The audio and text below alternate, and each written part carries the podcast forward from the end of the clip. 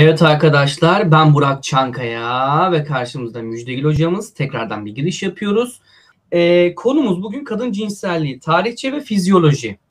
Evet. E, kadın kadın fizyolojisi mi yoksa biz de E, konuşacağız? kadın fizyolojisi ama sorduğunuz sorulara cevap verecek kadar azıcık erkekten de birazcık haberdarım. Bizimki basit hocam ya. Yemin ediyorum çok simple Yasal. bir sistem var bizde. Hakikaten Yasal. basit ya.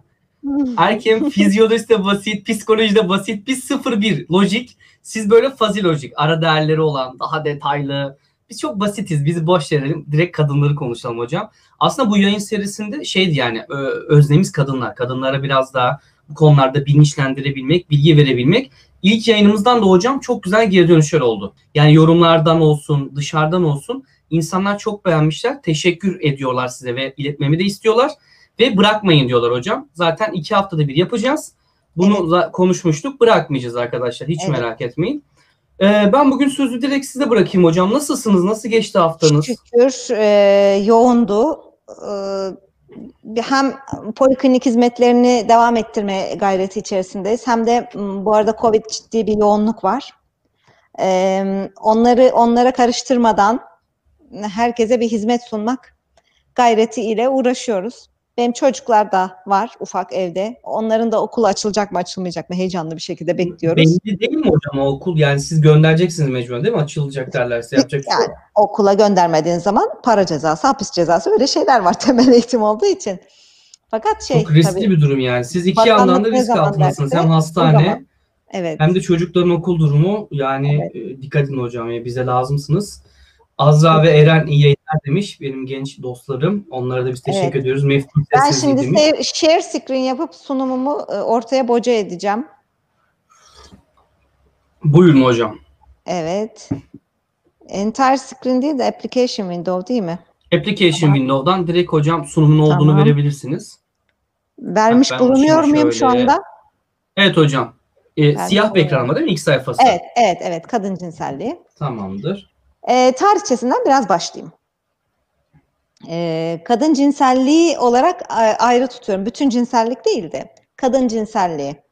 E, Batı ve Doğu e, felsefesinin farkından biraz bahsederek başlamak istiyorum. Bir kere e, bütün e, tarihçe diye bahsedeceğimiz aslında Batı e, düşüncesi. Çünkü Doğu'da olaylar o e, Game of Thrones'daki şey vardı ya hmm, ne o? Mary şu alttaki öbür pla- e, hmm, kıta. Hocam ben ilk sezonu izledim. E, çok beğenmediğim için ikiye geçmedim. Bizim Öyle e, mi? Ha, şeye benziyordu. Padişah dizileri gibi. herkes sevmiyor. Evet.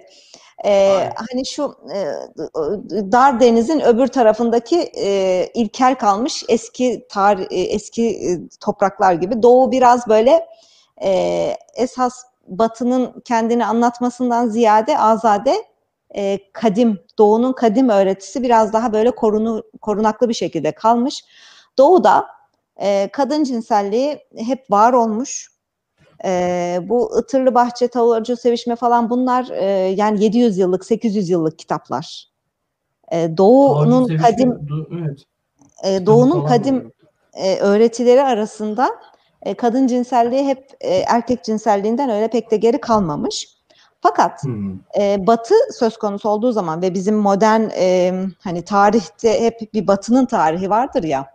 e, özellikle 16. ila 19. yüzyıllar arasında hep böyle bir erkek bakış açısından değerlendirilmiş cinsellik. Yani kadının hiç adı yok. Tabii sadece e, erkek perspektifinden değil, erkeğin de dini ve e, tıbbi e, bakışı söz konusu cinselliğe. E, kesinlikle heteroseksüel ve üremeye yönelik bir cinsellik tarifi var, sağlıklı cinsellilik olarak.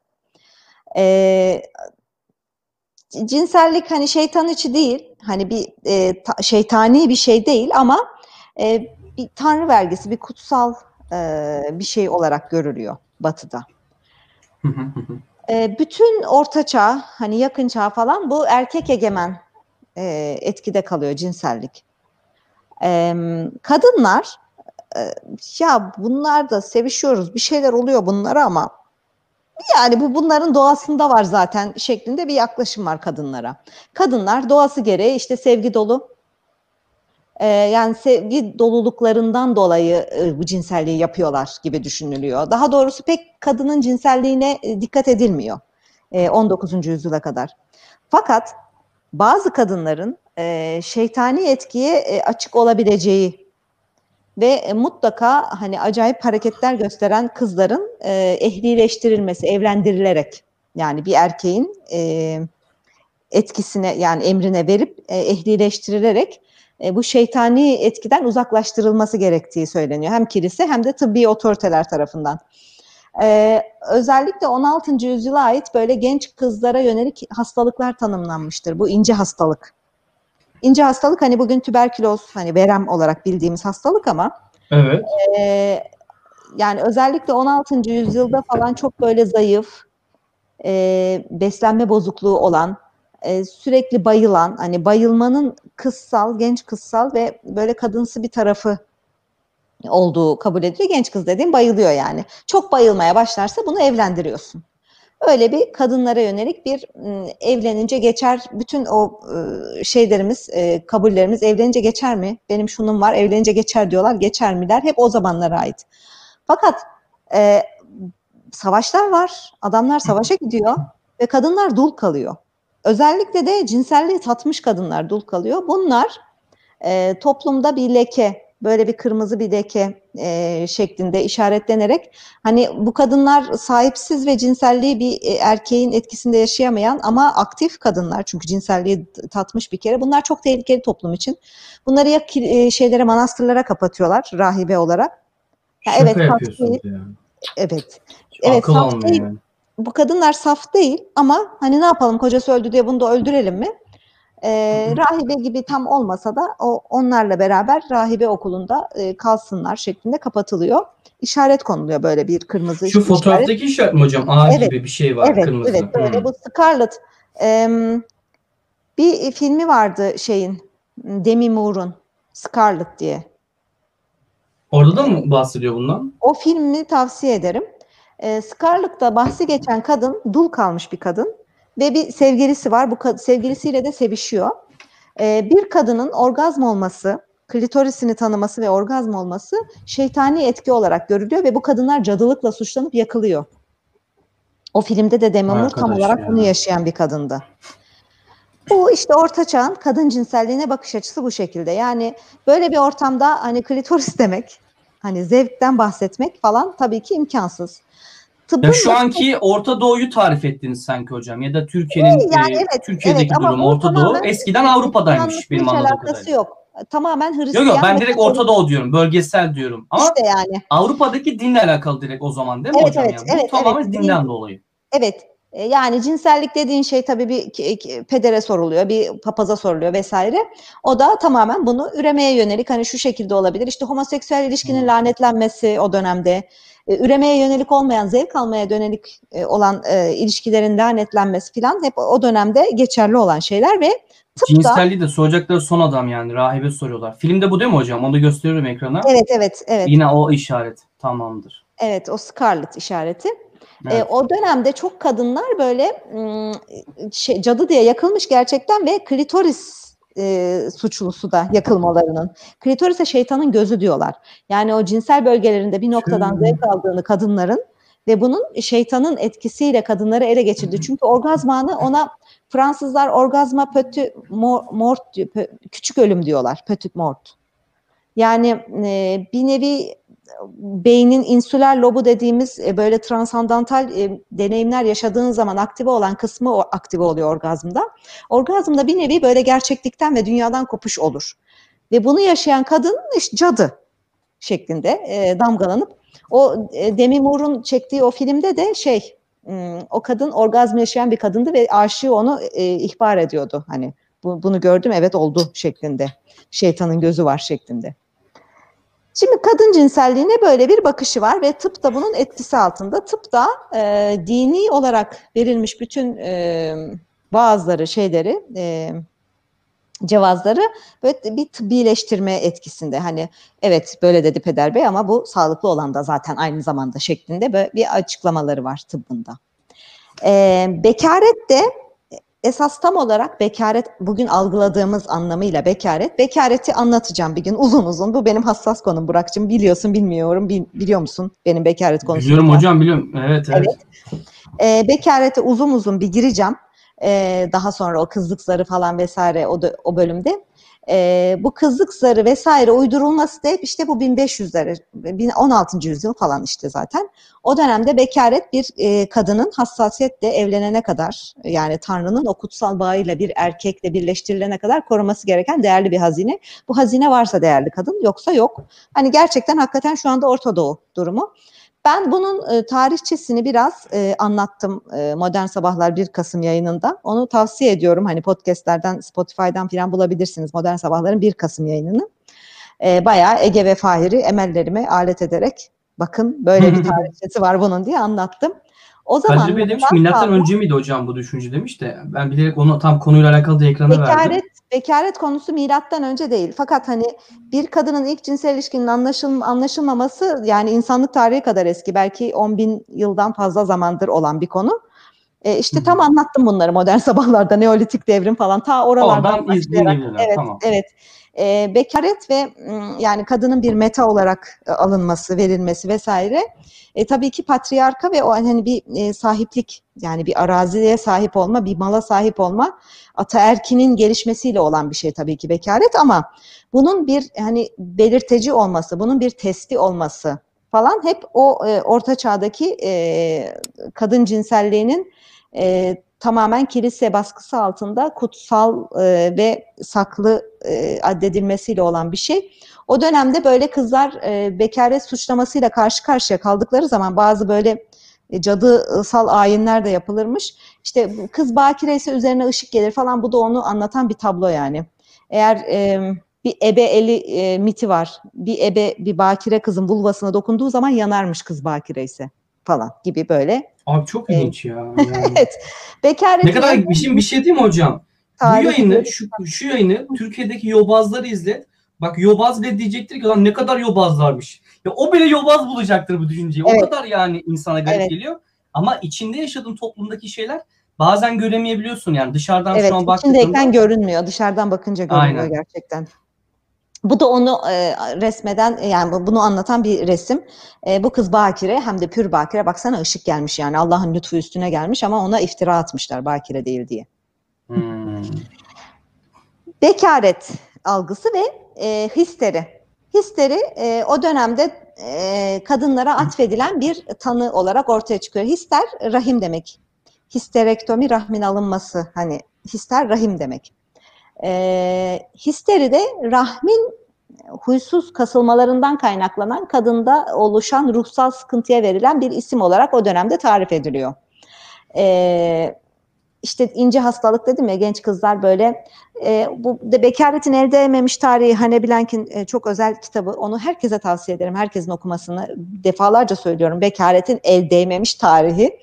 E, orada daha detaylı anlatıyor benim bu söylediklerimin çoğu e, o dönemde özellikle hani e, besinle ulaşımın sıkıntılı olduğu bir dönem yani kalabalık şehirlerin e, beslenmekte sorun yaşadığı işte hani Fransız devriminin falan çıkışında altında o var insanlar aç yani. E, o açlık dönemlerinde evin küçük kızı pek e, iyi beslenemiyor. Gıdaya ulaşımı pek yok. Bir takım şeylerin eksiklikleri vardır o kızlarda muhtemelen. İşte e, B vitamini eksikliğinden tut da bütün şeylerin eksikliğine kadar. Bu kızlar evlendirildiği zaman e, evinin hanımı olduğu zaman hem gıdaya ulaşımı artıyor hem de cinselliğini tanıyor. Dolayısıyla pek çok hastalığı histeri gibi, ince hastalık gibi geçiyor. Bu evlen evlenince geçer inancı işte orta çağa ait bir inanç. Ve o, o zamanın kadınları böyle histerik, azıcık fazla sesi yükselirse, e, böyle ara sıra farklı cinsel ya da cadısal ya da şeytani güçlerin etkisi altına giren bir cins kadın, aşağı bir cins. Yani zaten akıl ve kadın, hani akıl ve kadın bir arada olmaz şeklinde. Bu dönemin Şarkot, bu işte modern psikiyatrinin kurulduğu an aslında. Şarko e, hastanesinde bir histerik kadını tedavi ederken burada öğrencileri etrafında o resim o, o zamana ait. E, Freud biliyorsun Şarko Enstitüsü'ne geldiği zaman e, ilk defa histeriyle orada karşılaşıyor ve bütün bir psikanaliz e, tezini bunun üzerine kuruyor. E, bunu e, mutlaka Twitch psikoloğunda e, belirtmişsinizdir, anlatmışsınızdır. E, daha sonra işte Freud'un kadın cinselliğine ya bakın aslında bu kadınlara histerik diyorsunuz ama bunlar ciddi e, istismara uğramış kadınlar çoğu ya da baskı altında yani baskıladığın zaman bak bu bilinç var ama bilincin bir de dışı var. O bilincin dışındakiler seni rahatsız eder. İşte bu kadın o bilincin dışındakiler yüzünden rahatsız şeklinde tanımlamasından sonra biraz ha e e bunların da demek ki bunlar da istiyormuş, bunlar da zevk alıyormuş gibi kadın cinselliğini e, ha bu da Hysteria diye bir film. E, bunu da ta, bu bu akşam çok böyle film tavsiye etmeli bir akşam olacak. Dinledim. Histeria'yı mutlu et beni şeklinde Türkçe'ye çevirmişler ama e, tam olarak histeriyi anlatıyor. Histeri o dönemin e, özellikle işte 19. yüzyılın başında Avrupa'da kaynıyor histeri. İnsanlar kavruluyor histeriden. İşte kadınlar isteksiz. E, kadın cinselliğini yok sayarsan, uzun süre baskılarsan, gölgede kalırsa kadın da bir süre sonra bunu baskılamaya ve yok saymaya başlıyor ve çok ciddi cinsel isteksizlik, soğukluk, dereciti de e, ortaya çıkıyor. O dönemde 19. E, yüzyılın e, ikinci yarısında da, ilk yarısında da e, kadın doğum muayenehaneleri, ofisleri böyle kadınların orgazm olmak için gittikleri yerler. Burada da kadınları orgazm eden bir jinekolog alttaki sağda görünen yaşlı adam. Artık kadınları orgazm etmek için eliyle yapa yapa yoruluyor ve yanına bir asistan alıyor. Bu asistan da öğretiyor işte bak bu yağlarla buraya dokunacaksın, buraya masaj yapacaksın falan. adamın eli tendinit oluyor yapmaktan bunu ve vibratörü keşfediyor. Vibratörün keşfini anlatan bir film bu da. Yani dönem, evet dönemde histerinin ne kadar büyük sıkıntı olduğu, insanlar böyle gerçekten yani ettiklerini edeceklerine kendi pişman olmuşlar. Hani dinin etkisiyle kadın cinselliğini yok saymak ciddi bedelleri olmuş onlara. Böyle e, vibratörün keşfi falan o dönemlere aittir. Fakat esas kadın cinselliği Kadın cinselliği. Zaten etmeninin hocam İngilizcesi özür dileyerek araya giriyorum. Histeriyaymış. Yani Türkçe'ye böyle çevirmiş. Direkt histeriya. Türkçe'ye böyle çevirmiş. Evet. Ee, fakat kadın cinselliğinin daha doğrusu insan cinselliğinin ilk bilimsel e, incelenmesi Alfred Kinsey'e aittir. Alfred Kinsey bir biyolog e, ve profesör. E, ciddi Katolik baskı sanırım Katolik yani Hristiyan e, dininin baskısı ile yetişiyor. Babası Katolik o Katolik. Katolik mi? Ee, Aynen. Onun da bir filmi var. Buraya o filmi de koyuyorum. E, Kinsey, Kinsey diye Liam Neeson'un oynadığı. Çok güzel oynamış. Gerçekten bu filmde öğretici cinsellik bilimi adına. e, Kinsey e, evlendiği zaman bu da eşi hanımefendi.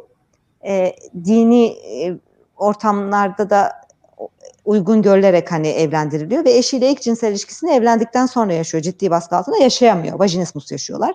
Vajinismus sorunuyla gittikleri kadın doğumcunun yani bu bilinen bir şey demesiyle aa bunun bilimi olabilir kendi çünkü bir bilim insanı her şeyi bilimsel bakış açısıyla değerlendiriyor. Hani gerçekten dört dörtlük seksoloji biliminin kurucusu babası diyebiliriz Kinsey için. Daha sonra Kinsey'e e, homoseksüel ve e, pedofil e, suçlamaları oldu. Kinsey Vakfı ciddi suçlamalar altında kaldı ama er ne olursa olsun sevabıyla günahıyla e, Kinsey gerçekten e, modern cinsellik biliminin kurucusudur. Yüz binlerce insanla görüşüyor. Onların cinsel e, hareketlerini, isteklerini, fantazilerini sorguluyor, mastürbasyon pratiklerini sorguluyor. Olayın sadece vajina penis olmadığı, bir kadın bir erkek arasında olmadığı, çok farklı yönleri olduğu Kinsey'in raporlarında ortaya çıkıyor. Ve bu e, gökkuşağının yedi rengi şeklinde hani cinsellik skalasının oluşturulması Kinsey'in e, raporundan sonradır. Hani Kinsey tarif ediyor tam full heteroseksüel, işte biraz biseksüel falan şeklinde o skalayı oluşturması. Daha sonra e, kimseyle aslında çağdaşlar fakat e, kadın doğumcular her zaman için e, cinsellik biliminde e, sahnede.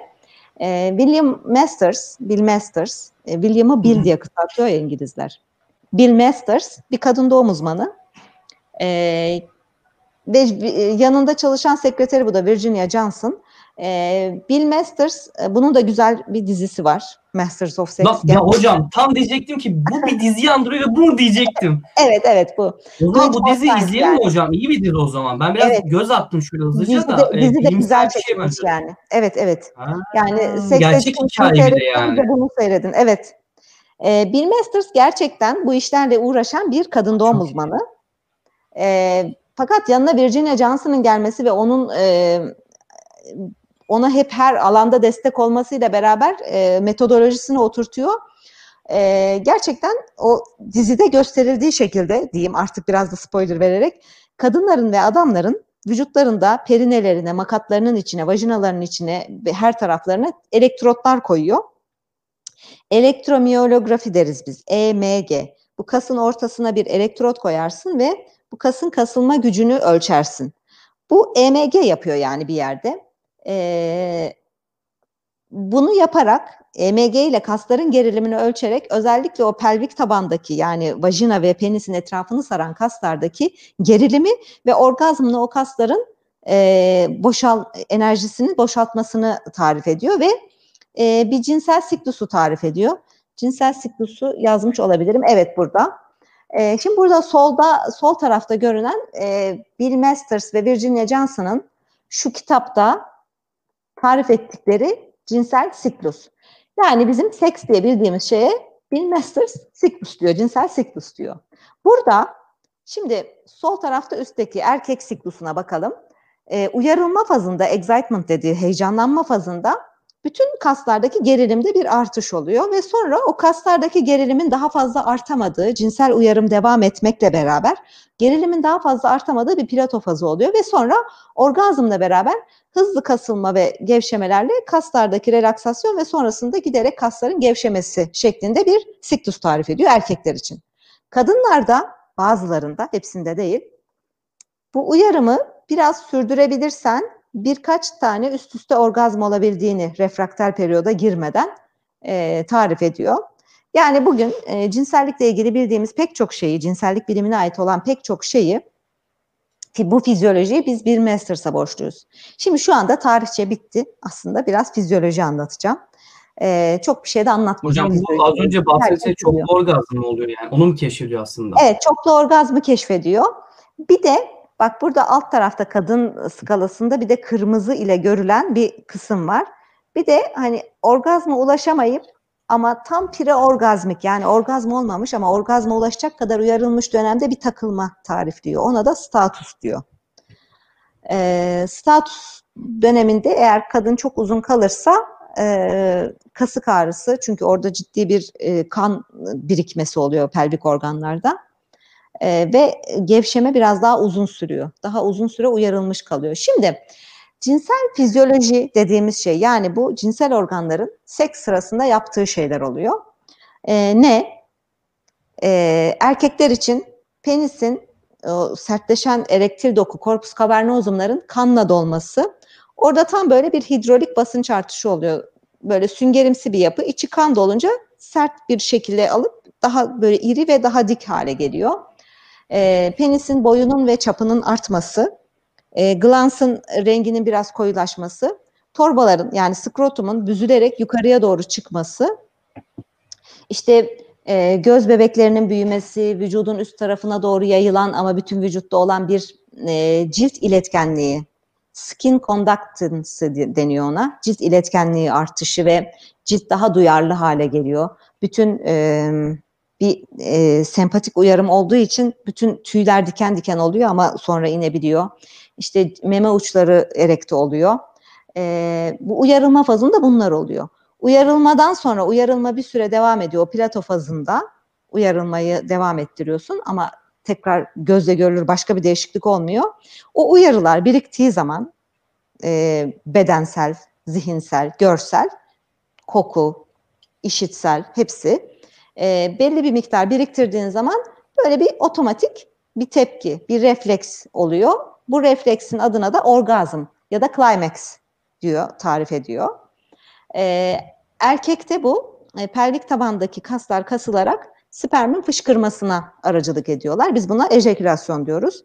Erkek orgazmında ejekülasyon oluyor. Ejekülasyonun iki fazı var. Birinci fazı emisyon fazı. Spermin kanallara çekildiği faz.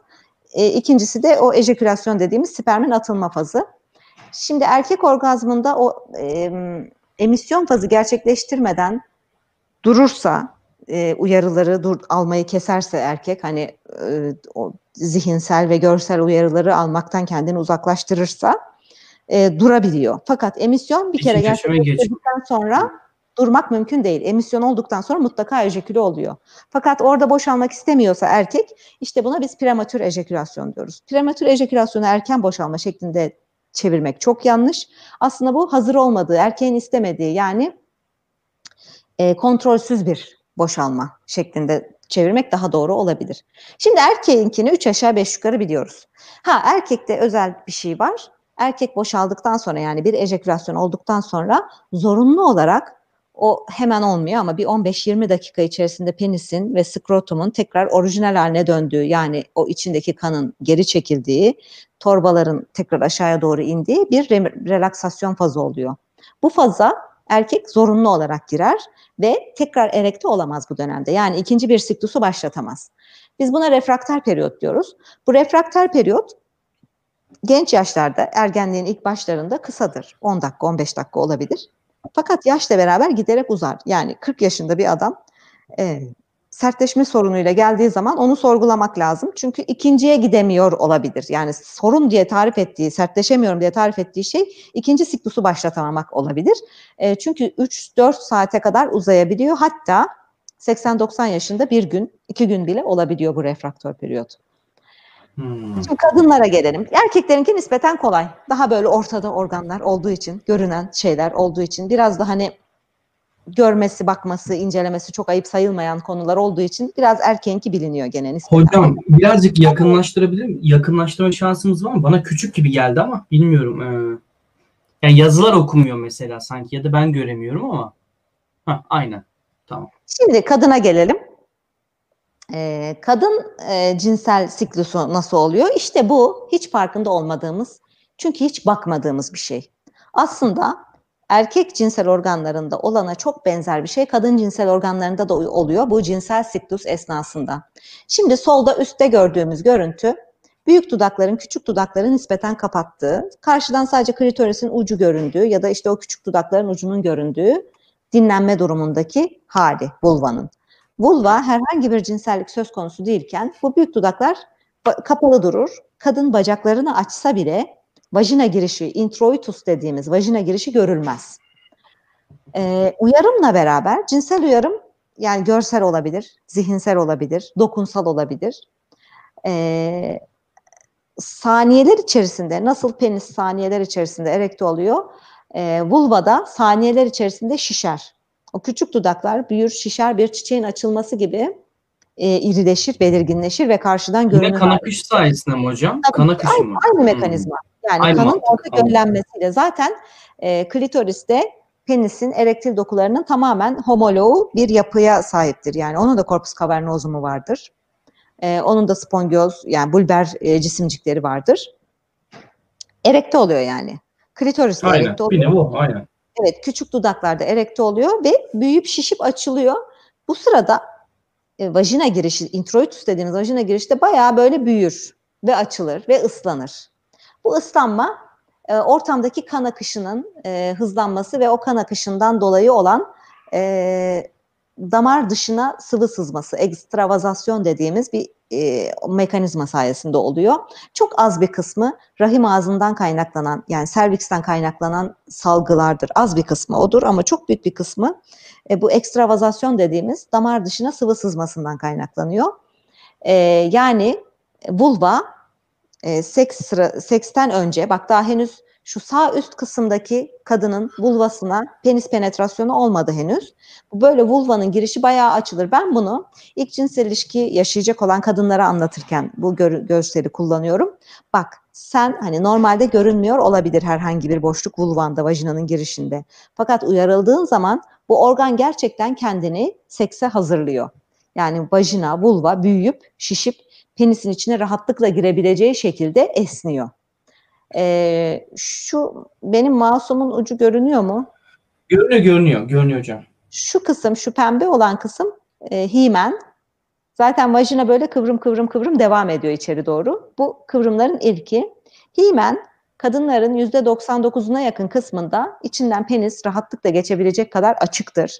İlk cinsel ilişkide bile esner, gevşer ve penisin içinden geçmesine müsaade eder. İlişki sırasında da eğer e, iyi bir ıslanma olduysa, iyi bir uyarılma olduysa yırtılma, kanama herhangi bir şey olmaz. Ama tabii e, bu tamamen vektörel açıların e, durumuyla o anki ıslaklıkla ilgili bir şey. E, tahrişler, zedelenmeler olabilir. Bu organlarda e, e, tahriş olabilir. Şu da idrar kanalı. İdrar kanalı klitorisin hemen altında şurada. E, çok ilişkiyle alakasız ama tabii bu sürtünmelerden etkileniyor idrar kanalı da. Sevişme işi bittikten sonra da orgazm olduktan sonra da e, orgazm olması şart değil. Yani uyarılmayı, uyarımı, cinsel uyarımı kestiğin zaman da bu organlar eski haline dönerler. Fakat hemen değil. Yani bir 15-20 dakika belki bir saat sürebilir tekrar orijinal haline gelmesi. Eğer bir orgazm olmadıysa kadının bak şu refrakter periyotta e, şimdi şuradaki kadının bak şu kırmızı çizgide eğer orgazm olmadıysa refrakter periyot daha uzun sürüyor. Yani orgazm olduysa çok hızlı bir şekilde rezolüsyon olabiliyor. Fakat eğer orgazm olmadıysa kadın refrakter periyot daha da hızlı sürebiliyor. Bir de şöyle mi hocam yani kadın mesela tetiklendikten sonra o aşamaya geçtikten sonra geri dönüşü daha zor. Evet. Bunda şu analojiyi kullanıyoruz. Ee, kadın eski Alman marka radyatörler gibi demir, demir döküm radyatörler gibi o şey gibi. Hmm, eski kalorifer petekleri gibi e, ısıtması çok zor. Büyük bir kazanı epey çok e, enerji harcayarak e, yakman gerekiyor. Çok geç hmm. ısınıyor. Fakat ısındığı zaman uzun süre sıcak tutuyor odayı. Erkek radyan ısıtıcı gibi. Fişe takıyorsun, yanıyor, çekiyorsun, sönüyor gibi düşünebiliriz. Evet, mantıklı. Ee, gerçekten kadın biraz daha geç e, doluyor. Ereksiyonu biraz daha geç olabiliyor, ıslanması filan. Fakat daha uzun süre orijinal haline dönmüyor. Bana Böyle çok e, kadın gelir. Benim oram şişik hocam. Ee, ne, hani bakayım diyorum, muayene ediyorum. Gayet normal görünüyor kadının vulvası, normal. Ee, yok şişiklik falan diyorum. O, o anda oluyor hocam diyor. Yani bayağı sonrasında banyoya gidiyorum, bakıyorum bayağı şişmiş diyor. Yavrum o zaten onun normal yapısı diye onu anlatıyorum. Yani Olması o gereken o zaten. Evet. evet. Labium minus. Meme ha, ucu, evet. Instagram'da da öyle. Biz orayı ha. düzenleriz hocam. Yani bilgisi olsun izleyicilerin. Bu Instagram'la Peki. şey hocam meme ucu paylaşamıyorsun. Erkek paylaşabiliyor ama. Kadın meme ucu koyduğu zaman Instagram fotoğraf siler. Muhtemelen YouTube'da da benzer bir şey olacaktır. Yoksa biz o şey yapmıyoruz hocam. O zaman keserek şey yapın. Oraya ee, biz bir şeyler koyarız yani artık çizim. Sigara, tamam, şey, çiçek oraya. koyarız. He tamam peki. Ee, Benim için sorun yok da bilginiz olsun diye diyorum. Yani. YouTube'da tamam, kesin tamam. vardır yani. Sorarız rejiyi. Benim için de hiç sorun yok ama bu fotoğrafı e, göstermekte istedim açıkçası gerçek görüntüsü Yok nasıl daha iyi oldu evet. evet. E, şimdi vajina, bunlar da vajina görselleri. Bunlar kadınların vajinalarına bayağı plastik şey e, enjekte ederek kalıp almışlar. Ha, kalıp değil mi yani? 3D dimension evet, yapmış, şey evet, yapmışlar. Evet. evet, 3D kalıp almışlar bunlar. Hmm. Ee, bunlar hani doğum yapan, doğum yapmayan kadınların vajinalarında herhangi bir farklılık olmadığına dair. Şimdi vajina normalde hakikaten böyle huni şeklinde böyle çıkışı kapalı dar ama köküne dibine doğru rahime doğru geniş bir kese gibi. Bir limiti var yani hocam değil mi? Yani belli bir alabileceği kapasite var. İçinden üç buçuk kilo bebek geçiyor vajinanın. Yani o üç buçuk kiloyu alabilecek hmm. kapasitesi var vajinanın. Ve e, o şekilde de duruyor zaten. Yani e, balon gibi düşünmeyin vajinayı. Hani esnek hmm. ve kapalı üfleyince şişiyor. Öyle değil vajina. Balon gibi değildir. Ba- daha çok böyle e, bir plastik torba gibi. Bak burada bir plastik torbam var. Bu plastik torba gibi böyle kapalı. İçine bir şey girdiği zaman o boyuta esniyor ama normalde tamam. kendi üzerine böyle kapalı duruyor. E, vajinada o uyarılma esnasında vulvanın şişmesi ve e, açılması esnasında vajinada da böyle bir e, rahmi tutan bağlar gerildiği için e, bir açılma oluyor. Adeta vajina içine penisin ve işte spermin birikebileceği bir e, şekilde genişliyor. Biz buna vajinal tenting diyoruz. Yani çadır kurma. E, cinsel e, uyarılma esnasında vajina çadır kuruyor gerçek anlamıyla. Bu görselleri de vajinanın ne kadar büyüklükte bir çadır kurabileceğini içeride anlatmak için koydum. E, daha sonra Zaten da gibi yani geri geliyor. Tamam mı? Evet. Bitti slide gösterisi. Ha şimdi şey. şimdi hocam o kadar güzel şeyler öğreniyoruz ki bu arada yani ben de çok mutluyum yani bu yayınları iyi ki yapmışız. Başta hani insanlar tabii ki diyor ne anlatacaklar falan. Halbuki işin arka planında çok ben de büyük bir bilim yatıyor. Konu biter mi hiç? Evet. Şimdi hocam e, birkaç güzel soru aldım. Onları da ben ekleyeyim hemen. Şöyle şey yapalım. Buyurun. Şimdi hocam Çok uzatmadım bu- değil mi 40 dakika ders kısmını? aks- aksine çok tatlı oldu. Çok tatlı oldu. Ee, şimdi sorulara geliyorum. Şimdi burada Buyurun. hmm, tarihçe kısmı arkadaşlar soruları alabiliriz. Yavaştan toparlayacağım yayını. Siz de çok şey yapmak istemiyoruz. Bakın bu arka, bu yayın normalde cuma olmalıydı. Haftaya cuma yapacağız hocam. Müsaitsinizdir büyük Evet. ihtimal. Ha, normalde Evet. iki haftada bir cuma sözleştik Müjdegül hocamızla. Ve yayınlar Ben arkadaşlar bir hafta sonra Ha ya ben özür diliyorum. Benden dolayı oldu işte festivalden. Ee, hepsi Kozmik Anafor suçu. Zafer atalım. Ee, haftaya e, açılacak yayın. Mesela bugün canlıya kaldınız yakaladın. Soruyorlar yayın nerede? Yayını silmiyoruz. Sadece kanala katıldan maddi destekte bulunan arkadaşlara bir aylık tanıyoruz. Bir hafta onlar izleyebiliyor. Canlıyı kaçırdılarsa. Haftaya da bu yayın açılacak. Spotify'da podcast olarak da dinleyebilirsiniz. Ama tavsiyem görsellik olduğu için yani izlemeniz. Şimdi hocam ee, şöyle bir ha, şeye gireceğim. Şimdi Kadir Bey diyor ki hocam cinsel evrim neden sadece üreme ve neslin devamı değil de Hmm. zevk işin içine girmiş oluyor. Bak bu çok güzel bir soru. Şimdi bir de ben tersten soracağım ama Kadir'e. Bunu ben de çok düşündüm. Zevkli olmayan bir şey olsaydı yapar mıydın? Emek harcasan çok yoruyor gerçi ama yani zevkli olması yapar mıydık mesela? E, zevk almasak da bunu yapmak istemezdik. Çekici gelmeyebilirdi belki. Mesela e, bitkilerin bile üremesinde bir görsellik, çekicilik hep bir kandırma rolü vardır. Belki böyledir diye ben düşünüyorum. Siz ne düşünüyorsunuz hocam? Ya da nedir? Evet. doğrusu? Ben de e, hakkını verir şekilde e, tıbbi biyoloji PhD'si yapmış da bir bilim insanı olarak evrim dersi aldım iki dönem. E, çok evrime gayet kafa, kafa yormuş bir insanım yani. E, mevzum da cinsellik olduğu için. E, aslında bak Kinsey de öyle, e, Freud da öyle. E, cinsellikle ilgilenen, cinselliğe katkı yapan Havelock Ellis var İngiliz bir cinsellik bilim insanı. E, bunların hepsi önce biyolojiyle başlıyorlar yaşantılarına. Gerçekten hep e, yani Kinsey de biyolog. Ama olması gereken o sanırım cinselliğin evrimi Yani var. Yani cinsel. Biyolojiden doğru gidiliyor e, cinselliğe Hı hı. doğru. Yani tamamen yüzde yüz psikolojiden e, gelen çok azdır cinsellik bilimine katkı yapan. Hmm. Ağırlık böyle bir tıp, fizyoloji, fizyokrat e, derler eskiler hani. E, fizyolojik kısmına kafayı fazla yorarak ve biyolojik bir altyapıyla gelirler. Dolayısıyla bu cinselliğin e, evrimsel e, gelişimini de ben düşündüm. Bununla ilgili düşünen çok bilim insanları da var gerçekten. Ben de onların yazılarını hep okudum. E, şimdi e, cinsellik e, üreme amacı, tabii evrimsel amacı üreme. Tamamen üreme, neslin devamı. Fakat e, bu e, beynimiz en altta sürüngen beyin. Onun üstünde memeli beyin gelişiyor, onun üstüne frontal korteksimiz gelişiyor. Şimdi böyle üç katlı bir pasta gibi düşünelim beynimizi. Gelişimi de bu şekilde zaten. Önce sürüngenler e, dünyaya hakim, dinozorlar vesaire. Ondan sonra e, memeliler geliyor, limbik sistem, memeli beyni. Onun üzerine e, insanda devasa bir frontal korteks gelişimi. Bu frontal korteksin gelişimi sırasında da insan tek başına gelişimine devam edip frontal korteksini tek e, geliştiren canlı değil. E, memelilerin bir kısmı da frontal korteksi geliştiriyor evet ama e, Harari'nin kitabında geçen bir şey bu. Galiba Sapiens bir kıyım, soykırım yapmış. Hani diğer e, işte Homo ludensi, Homo rubensisi, işte Neandertalleri falan e, soykırıma uğratmış gibi düşünüyoruz gerçekten. Olabilir. Bununla ilgili bulgular var, şüpheli kanıtlar var. E, şimdi sonuç olarak e, sürüngenlerin üremesini düşünelim. Sürüngen işte yılanları çiftleşirken gördünüz mü? Hani böyle sarılırlar ve çiftleşirler. Sürüngen dediğin şey öyle pek e, hareket etmez. Zaten soğuktur da. E, bir sürüngen yavrusunu düşün. Bir yılan yavrusunu yumurtadan çıktı. E, kuş geliyor onu yiyor ya. Onun e, survive edebilmesi yani canlılığını sürdürebilmesinin tek yolu hareketsiz kalması. O sürüngenler hareketsiz kalırlar. Eğer her, hareket etmesini gerektirecek herhangi bir şey yoksa hareketsiz kalır.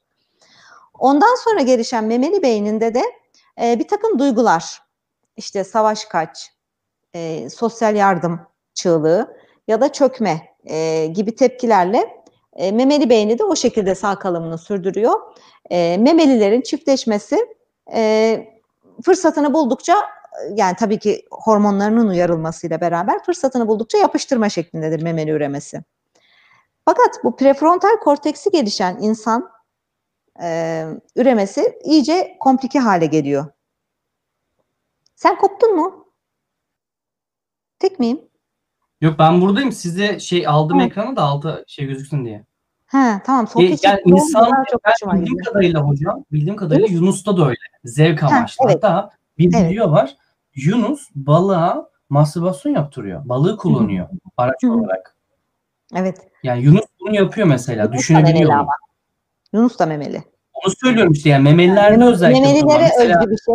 Memeliler memelilerde bunu kabul etmeyi öğrenmişler. Memeliler özellikle insan yani prefrontal korteks ne kadar geliştikçe e, beynin ödül sistemini kendi iyiliği için e, işe yaramayan şekillerde de çalıştırma tekniği geliştiriyor.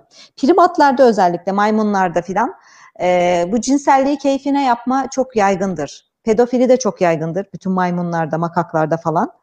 E, Hmm. küçük maymunları kendi cinsel ihtiyaçları için kullanırlar. Mastürbasyon yapmalarına aracılık ettiği oral seks için zorlarlar yavruları ve anal seks e, yaparlar yavrulara kız erkek fark etmeksizin. Ve e, bir stres azaltma yöntemi olarak yani böyle ciddi memeli işte primatlar arasında bir bonobo savaşları var. Böyle 10 yıllar süren uzun savaşlar da yapabiliyorlar primatlar aralarında ve kadın için, iktidar için, ye- yiyeceklere ulaşmak için vesaire. Çok böyle insanlara aslında çok da uzak gelmeyen şeyler.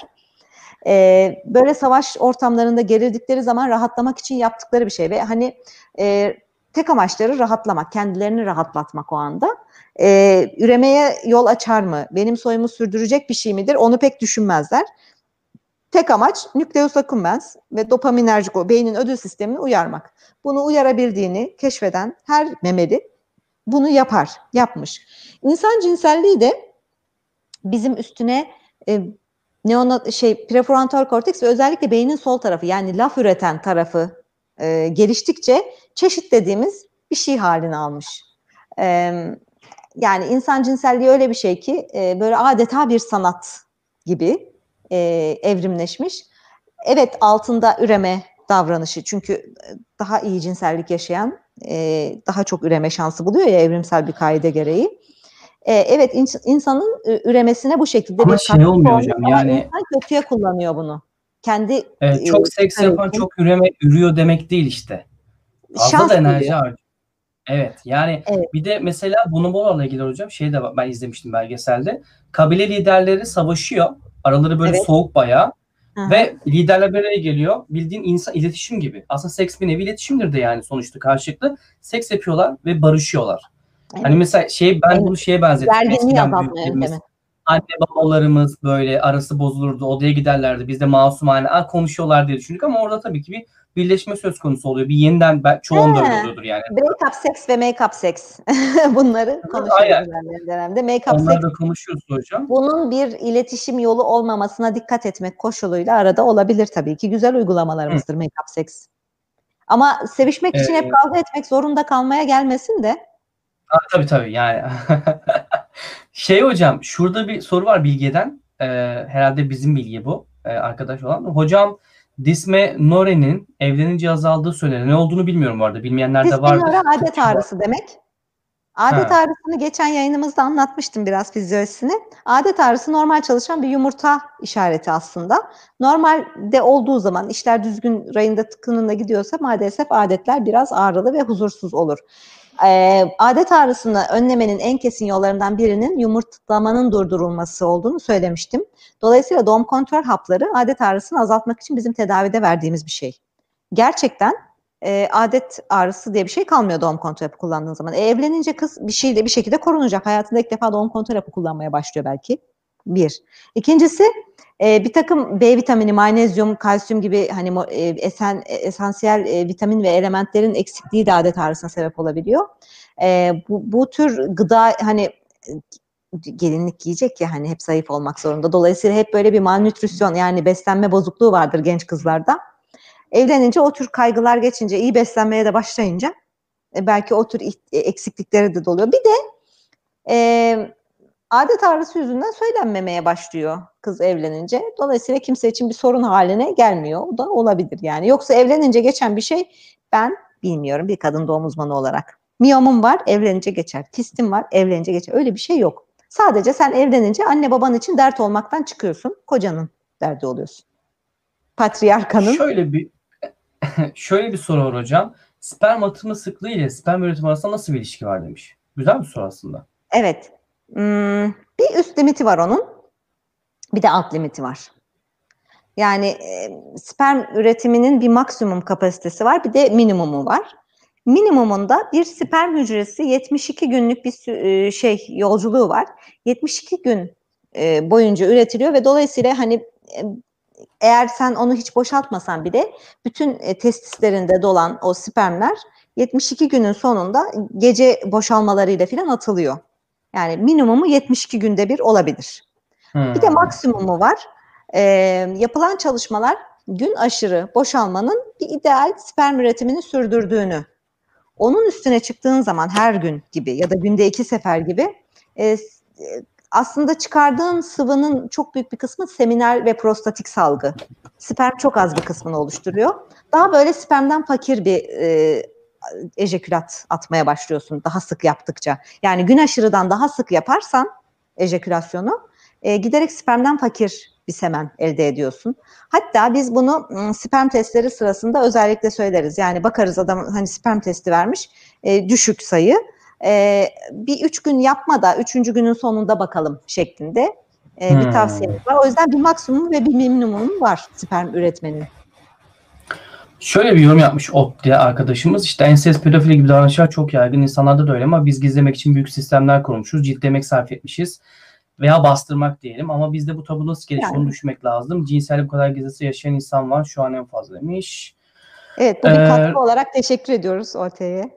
Evet teşekkürler. Hocam yani. toplumlarda babanın önemsiz olmayıp sadece annenin belli olması evrimini ne şekilde etkilemiştir demiş. Şimdi bu e, anaerkil dediğin şey e, hani e, Neolitik devrime kadar olan kısım ya anaerki. E, ondan sonra giderek patriarki başlıyor. Fakat aslında e, yani genetik iliminin geliştiği şurada 1980'lere kadar e, baba belli değil. Yani babayı te, te, e, tam olarak e, belirleyemiyoruz. E, hani saçıydı, kaşıydı, gözüydü, onun rengiydi falan diye böyle indirek belirleyiciler var ama kesin olarak bu adamın çocuğu bu değildi. Ancak 1980'lerden sonra genetik iliminin o e, kromozomlardaki o tekrar dizilerini e, araştırabilir hale gelip de bu, bu %99 oranla bu adamın çocuğu ya da %99 oranla bu adamın çocuğu değil diyebilir hale geldikten sonra baba belli oldu açıkçası. Yani 1980 öncesine kadar baba belli değil. Ee, hani İslami öğreti hani dedim ya Doğu biraz daha böyle e, cinsellik anlamında el değmeden e, kadim e, cinsellik öğretileri geliyor. E, yani peygamber zamanında bile bunun mevzu olduğuna dair bulgular var. Peygamber Efendimiz e, çocuk kimin yatağına doğarsa onundur demiş. Hani yani baba çok önemli yani sonuç olarak nikah içinde doğmuş bir çocuk babaya aittir gibi bir yaklaşım doğunun kadim öğretilerinden gelen bir şey. Sadece annenin belirli olması şurada son 30-40 yıla kadar zaten geçerli olan bir şey. Fakat bir çocuk yani insan çocuğu yetiştirmesi çok zor bir şey. 5 ee, yıl e, kadar e, bağımlı ve gerçekten bir çocuğu büyütmek için bir köy gerekiyor. Bunu bütün küçük çocuk sahibi insanlar deneyimlemiştir. Hani bir kişiyle olacak iş değil çocuk büyütme. Ee, kadın olabildiğince bu e, yükü biriyle ve tabii bu mümkünse bebeğin babası olan bir erkek bireyle paylaşma çabası içerisinde. Ee, bu e, yani bugüne kadar böyle olan bir şey evrimi e, çok e, bariz bir şekilde etkilemiştir yani hani annenin çocuğu e, büyütme gücü ile ilgili bir şey. Çünkü o çocuk sağ kalacak ki soy devam edecek. E, aslında evliliğin yani monogaminin altında yatan mekanizma da bu diye düşünülüyor. Yani bir erkek o kadına o çocuğa büyütmesi için ne kadar yardım ederse onu kollarsa yani iş bölümü yapılırsa o kadar o çocuğun sağ kalma ihtimali artıyor ve bir de şey hocam monogamide şimdi simülasyonlar yapılıyor. Mesela bakteriler yapılıyor. E, tabii Şimdi tabii cinsel yani random random oluyor. random Evet. seks oluyor. Hastalık ihtimali şu an Covid var değil mi? Şu Hı. an monogami daha avantajlı, poligami mi? Şu an monogami. Covid Kesinlikle. kapma riski yüksek. Hatta O yüzden biraz mecbur yani. kal. Monogami. Direkt hiç insanlarla işiniz olmasın. Kendi selfie yani. Evet yani mas- mastürbasyon şeklinde. Aynen. E, Şimdi e, bir o bir de hmm, e, bebeği büyütürken e, yani rollerin e, seçilmesi hani sen e, çocuklara daha çok bak ben de avcılığa gideyim. E, yani ne kadar bunu e, verebilirsen karşı cinse e, o kadar e, soyunun devam etme şansı artıyor ve dolayısıyla evrim de seni seçiyor bu durumda. Bir de şu var, e, tam şimdi lafımı hatırladım. E, özellikle Neolitik devrim öncesinde gene e, pek çok insanın tek eşli olduğu düşünülüyor çoğunun ama 4-5 yıl için. Yani bir yeni doğan e, offspring büyüyene kadar yani bağımlılığı bitene kadar. 4-5 yılda bir yani zaten günümüzde de boşanma oranları 4. 5. yılda pik yapıyor. 5. yıl atlatırsan e, daha uzun süre evli kalıyorsun şeklinde bir e, evrimsel açıklaması var bunun da. Bizim yurt dışı olayı gibi 4 ayı geçen alışıyor. 4 ay içinde dönmezsen bir daha dönmüyorsun. Evet. Hocam şimdi siz kadim kadim diyorsunuz ya bu doğu hani. Doğuda şimdi Hmm. doğu deyince benim aklıma Hintliler geliyor. Çok arkadaşım var. Hani Evet, yanlış da anlaşılmaz ama Hindistan'ı bana arkadaşlardan tanım. Abi Indian bak Google'a giriyorum. Indian Thanks Temple yazıyorum. Ailem yazıyordu. Eylem adı. Temple böyle bir şey işte. Tapınakları. Abi çok ilginç yani. Bakar mısın hocam? Bunlar tapınak yani. Hani kültür tabii ki. Evet. Saygı duyuyorum ama Evet, evet. genelde poligami üzerine. Hadi bunlar Evet. da tamam. İnsanlı olanları tamam. Abi bak böyle mesela ilginç pozisyonlar. Zaten şey bunlardan geliyor. Kama Sutra. Bir gün onu da konuşabiliriz hocam. Yani Evet. nasıl Ben çok hakim değilim Kama Sutra'ya ama hani konuşabiliriz. Bir çalışır gelirim Ya. Ha şu çok ilginç hocam ya. Eşek yani. Şimdi hani bunun neresi kadim hocam? Allah aşkına yani şu E, kadimlik Kadim yani eskiden burada? gelen bir şey. Yani hmm, ama kadim kelimesini biraz sevmiyorum da aslında. Belki o yüzden ha, böyle şey. evet. Kadim deyince böyle Senin, çok senin için kutsal- anlamı başka olabilir. Kutsal değil. Evet, Kadim yani ne anlamda eski kullanıyorsunuz yani. kadimi? Eski anlamında eski, kullanıyorum. köklü, köklü Köklü, ama hep evet. iyi anlama gelmiyor değil mi? Yani bir şey kötü de olsa ki, kadim tabii olabilir ki, mi tabii ki. Hmm. Yani Tamam. mm, ben mitler içinde bunu düşünüyorum. İnanışlarımız köklü, hani değişmez, sarsılmaz zannettiğim. Bazısı yalan yanlış da olabiliyor. Benim derdim zaten yalan yanlış olan mitlere inanarak bu yüzden acı çekenlerle.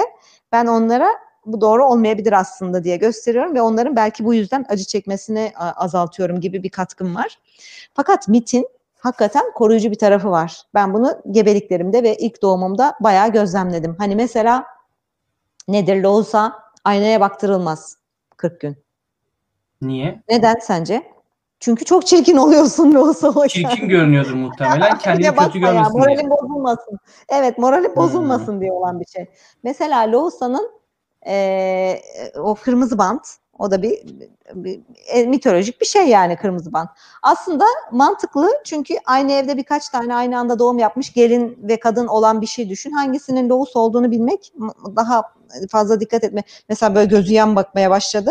E, loğusalık döneminde özellikle ilk hafta, doğumdan sonraki ilk hafta, ilk 10 gün e, komplikasyon dediğimiz yani istenmeyen zararlı etkileri çok fazladır. Çok sıklığı yoğunlaşır.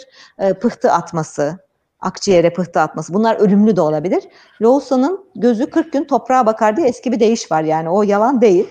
Hani o kırmızı bandı takıyorsun ki hangisi hassas döneminde onu anlayabilmek için olan bir şey. Ha. Daha da bir sürü şeyler var. Ee, Ama bir şey değil mi hocam? Yani Loğusalık döneminde aa mantığı da var aslında. Hani mitin seni koruyan bir tarafı da var. Senin soyunu devam ettiren, bir sonraki soya aktardığın bir bilgisel tarafı da var.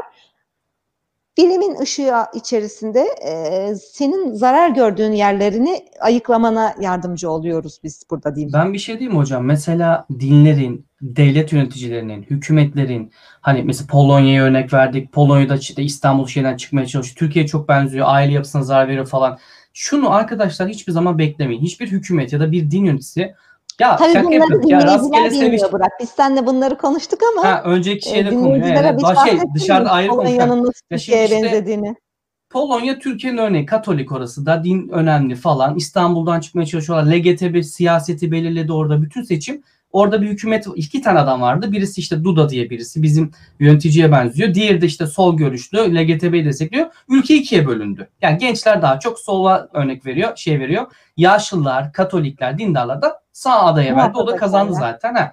Ondan sonra şey demek istiyorum. Yani aslında şöyle bir şey var. Hiçbir devlet Almanya özgürlükçüdür ya da Hollanda ama yine çocuk yapana para verir mesela bildiğim kadarıyla. Yani evet. devletlerin bunu yapması çok normal ya da dinlerin e, seksi zevk aracı değil de ürem aracı olarak istemesi de normal. Çünkü din dediğin şey sonuçta kişi sayısıyla önemli. Yani ben bir Müslümansam ya da Hristiyansam çocuklarım olmalı ve o çocuklar da benim gibi olmalı ki benim inandığım cemaatin, devletin, örgütün her neyse nüfusu artmalı. Bu yüzden hiçbir evet. zaman ben şunu bir beklemeyin. Devlet yöneticisi size şunu demeyecek. Ya gençler sevişin ya kafanıza göre. Hayır bunu beklemeyin. evet, hani demez. emin ol bunu diyeme, dememeleri de lazım. Yani mantıken evet, kendilerine karşıydı.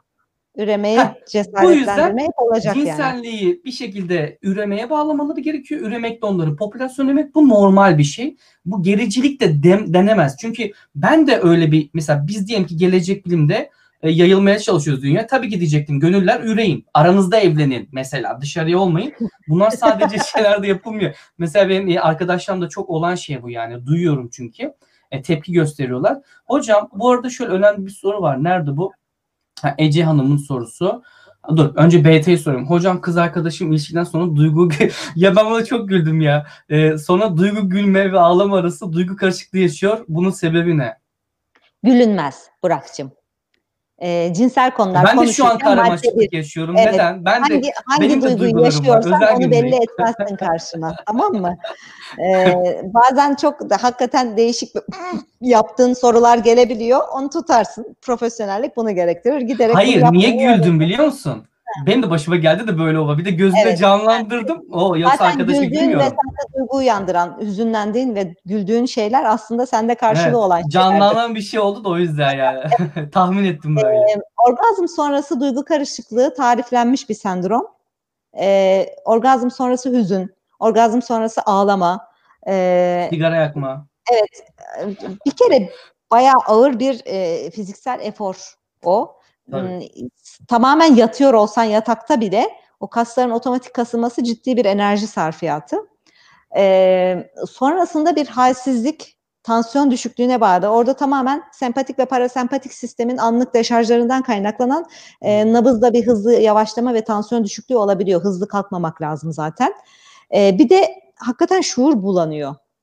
Bir gitme gelme oluyor beyinde e, geldiğin zaman uyanıklık halinde farkına vardığın şeyden her zaman hoşlanmayabilirsin. Bu sende hüzün de yaratabilir. Bunlar hiç anormal şeyler değil. Fakat böyle tekrarlayıcı şekilde e, oluşan duygulardan rahatsızlık hissediyorsanız bunu bir ruh sağlığı uzmanıyla konuşmanızda fayda var. E, siz de e, eğitim alanlardan biriyle e, bu kadın cinselliğini konuştunuz. CETAT, e, Cinsel Eğitim Tedavi Araştırma Derneği. Bu dernekten eğitim almış ruh sağlığı profesyonelleriyle e, görüşebilirsiniz. Bu bunlar e, ertelenecek şeyler de değil yani. Çünkü ilerideki cinsel yaşantınızı da etkileyecektir.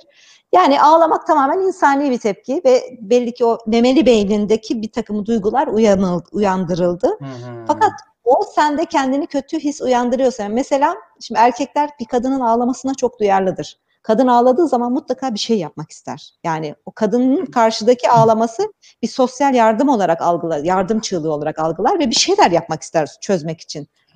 Onun ağlaması bu beyefendi ya da hanımefendi de kendini kötü hissettiren duygulara neden oluyorsa bu duyguların ne anlama geldiğini konuşabilir bir ruh sağlığı uzmanıyla. E, kişi yani orgazm olduğunda ağlayan kişi bundan rahatsız değilse ona hiçbir şey söylememek düşer. Yani onun tepkisi, bedensel tepkisi. Orgazm sonrasında hemen gayta yapma ihtiyacı hisseden, orgazm sonrasında pırt yapan, orgazm sonrasında hızlı bir şekilde idrar yapmayı, hatta o anda yapma ihtiyacı olan, böyle orgazm sırasında ve sonrasında farklı şeyler olabilir. E, bu kişinin aslında orgazmı ilk nasıl yaşadığı ve bedenini nasıl tanıdığıyla ilgili bir şey. Ve bu sistemler çok birbirine bağlı yani idrar, gayta, o pelvik taban yani komşu bunlar birbirine.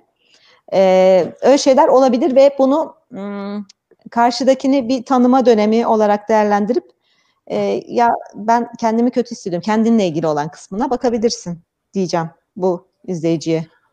Hocam Ece'nin sorusu, hocam masa yükselmeye sebep olan şey dediğiniz gibi toplum baskısıyla alakalı yoksa biyolojik nedenleri var mı? Biz biyolojik varsa onu konuşalım.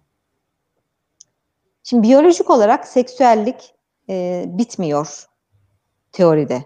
Yani çünkü o e, beyindeki Hmm. o e, hormonal şey devamlı yani minimumda da olsa devam ediyor. Fakat bu kişinin fark etmediği şekilde olabilir. Yani 2-3 ayda bir gece emisyonları şeklinde yani gece boşalma, ıslak rüya şeklinde hiç farkında bile değilim şeklinde olabilir.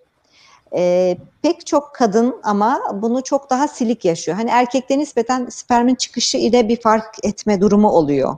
Yani en azından gece Ha, kadın fark etmeyebiliyor pek fazla. kadın bunu hiç fark etmeyebiliyor. Ama kadınlarda mutlaka e, nokturnal emisyon diyoruz ona işte o gece boşalmaları, ıslak rüyalar şeklinde de olsa yaşıyor bunu. E, tamamen bitmiyor yani. Mutlaka bir ay boyunca uyku çalışması falan yapılması lazım ki hani iyice sıfır olduğunu görmek için hiç öyle bir çalışma ben bilmiyorum okumadım. Dolayısıyla cinsellik hiç bitmiyor. Yani aseksüelite diye bir şey biyolojik anlamda yok. Fakat psikolojik anlamda olabilir tabii ki. Yani ben bunu hiç istemiyorum ve yapmıyorum.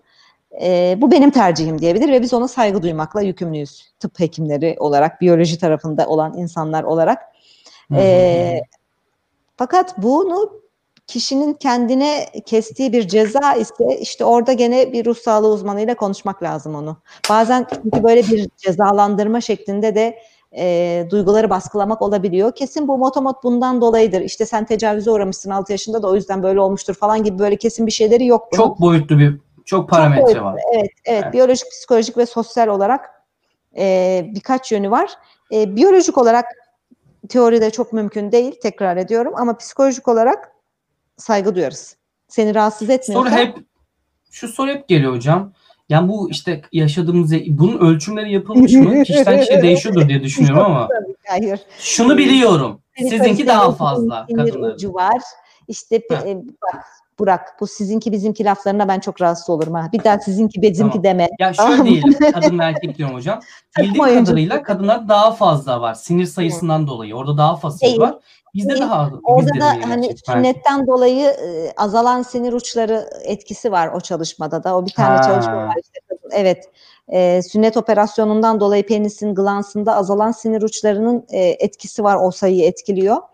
E, gelişimsel olarak anne karnında kız ve erkek bebeğin gelişimi olarak cinsel e, organların birbirine eksikliği fazlalığı yok. Yani bir kızınki de bir erkeğinki de e, aynı üç aşağı beş yukarı denk.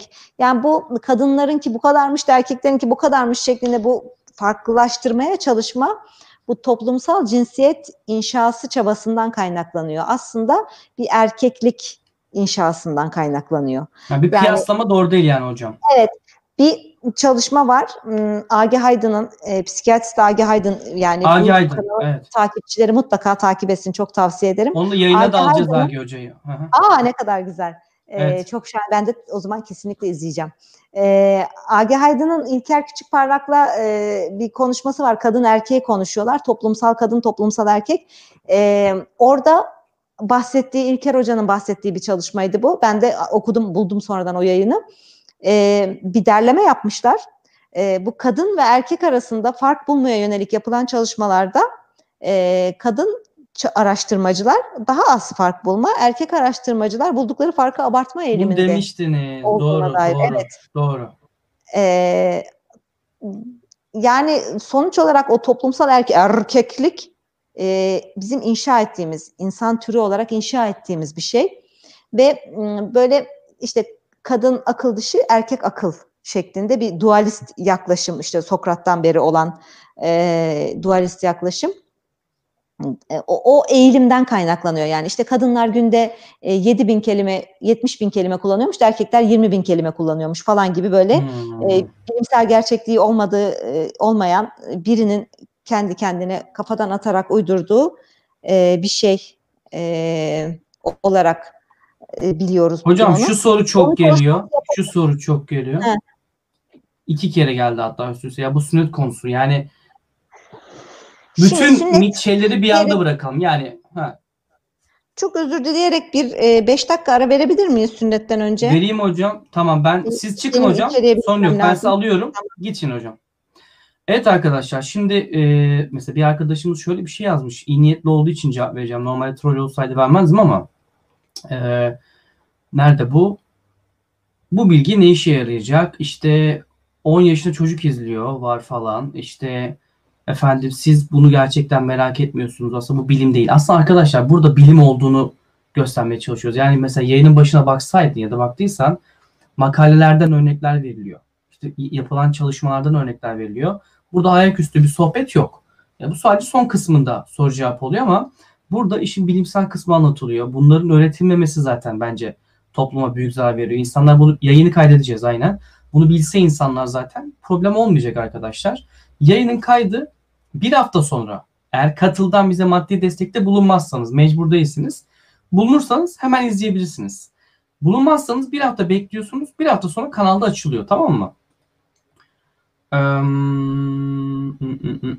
Bu, bu soruyu soracağız. Yani bu sünnet gerekli midir sorusu da şöyle yani aile toplum değil. Yani Norveç'te yaşayan bir çocuk olarak doğsaydın yaptırılması gerekir miydi tarzdan sorabiliriz mesela. Sonuçta sünneti e, insanlar seçmiyor arkadaşlar. Ben seçmedim. Birçok erkek arkadaşımız da seçmemiştir.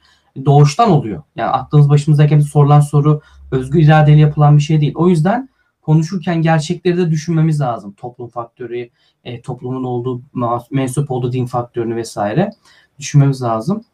E, teşekkürler BT. Yani biraz daha bu konulara girmek durumundaydık. Mesela LGTB yayınından sonra 500 tane takipçi çıkmış bizden. Belki de izlemediler yayını. Hani onları göze alarak, takipçilerin çıkmasını göze alarak biz bu yayınları yapıyoruz. Çünkü topluma dokunan yayınlar bunlar. Tabii ki astronomi yayınları çok önemli. Fizik yayınları, süper iletkenleri konuşuruz. Ne bileyim birçok şey konuşuruz ama onlar toplumu birebir etkilemiyor arkadaşlar. Bunun ihtiyacının olduğunu düşündüm, gerekli olduğunu düşündüm ve Müjdegül Hoca'nın da doğru bir konuk olacağını düşündüm ve liste oluşturduk. Bence faydalı yayınlar yapılıyor. Ben de öğreniyorum. Bilmediğim şeyleri öğreniyorum. Ee, yok yok üzülmüyorum e, Emrah. Yani üzüldüğümden değil. Arkadaşımın anlayacağını düşündüğüm için açıklama yapıyorum. Bir sonraki canlı yayın konumuzu bilmek istiyorsanız Gelecek Bilim'de uygulamasını indirin telefonlarınıza veya sosyal medyadan takip edin arkadaşlar. Heh, hocamız geldi. Hocam evet. geldiniz mi? Evet. Hocam şimdi bu sünneti konuşurken şöyle konuşalım. Onu anlatıyordum. Yani Norveç'te yaşıyoruz. Ben Hı. Norveç'te bir çocuğum var. Bu çocuk yani hiçbir dini değerim falan yok. Norveç'te doğmuş çocuk ama sünnet yaptırım yaptırmalı mıyım yani? Böyle düşünelim. Seçim şansı olduğunu düşünelim.